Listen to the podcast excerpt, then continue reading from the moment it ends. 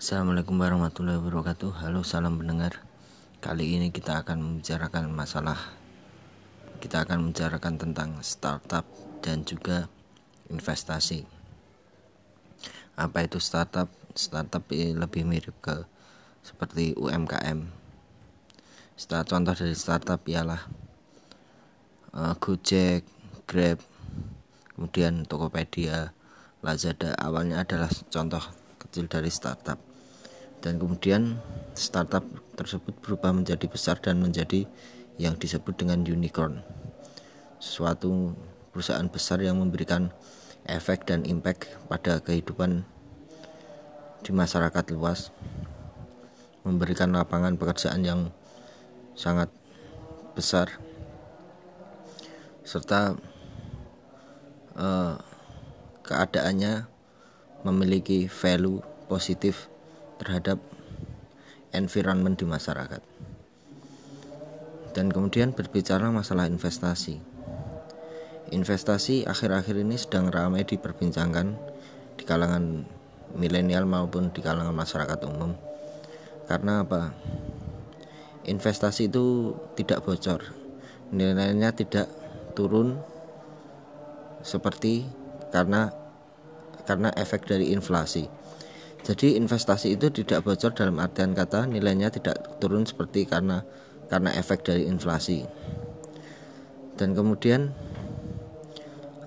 anjuran dari investasi itu bisa kita lihat bisa bisa saya jabarkan anjuran untuk berinvestasi itu eh, kita lihat dari sentimen-sentimen yang sedang berkembang di masyarakat.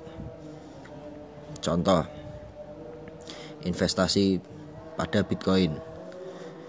Apabila uh, contoh studi kasus begini, Elon Musk mengetweet masalah Dogecoin dan kemudian terjadilah sentimen terhadap Dogecoin sehingga Dogecoin nilainya menjulang tinggi bahkan memecahkan rekor pada uh, pada harga jual Dogecoin harga jual dan beli dari Dogecoin.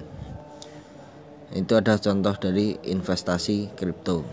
Ya terbagi tiga investasi yang yang sedang booming lah katakanlah ya investasi kripto, investasi saham dan juga investasi kalau tidak salah peer to peer lending. Seperti itu dan juga investasi emas juga turut serta ikut meramaikan ramainya investasi. Jadi begini, menurut saya investasi itu kita harus jeli membaca arah pasar.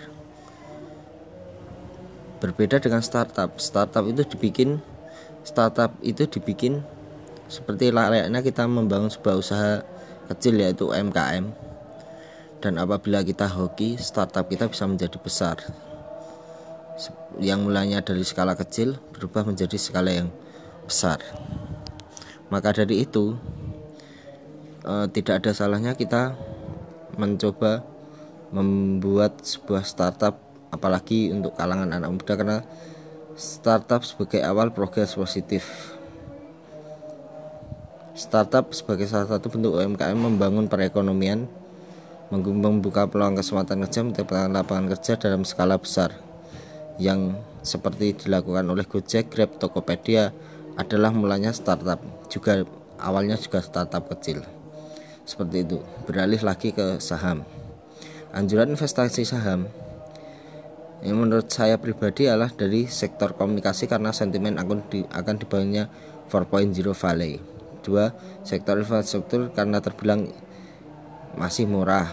Yang kemudian ketiga adalah industri dengan valuable income excellent. Contohnya bank. Bank BUMN maupun bank swasta. Yang keempat adalah bank. Bank daerah karena harga saham lebih murah untuk saat ini. Ya seperti yang saya ambil pada studi kasus saya pribadi saya berinvestasi tidak muluk-muluk hanya sekitar berapa ratus ribu.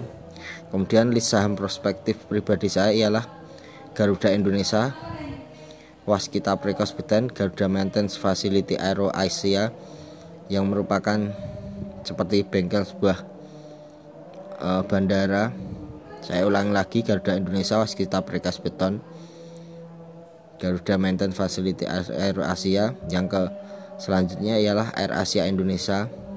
Seperti yang pernah saya bermimpi semoga saja saya bisa menjadi seperti Fernandes.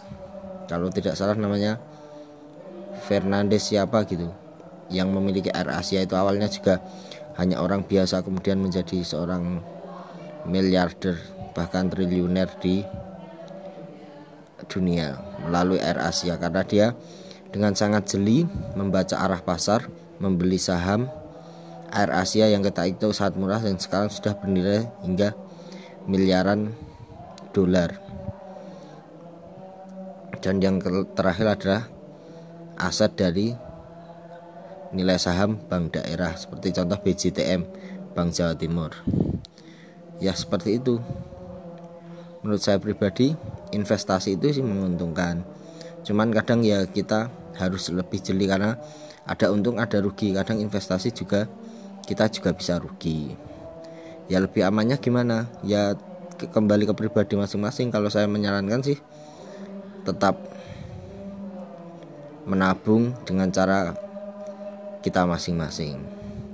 Ya begitulah ulasan dan penjabaran serta pendapat saya. Semoga bisa diterima dan bermanfaat.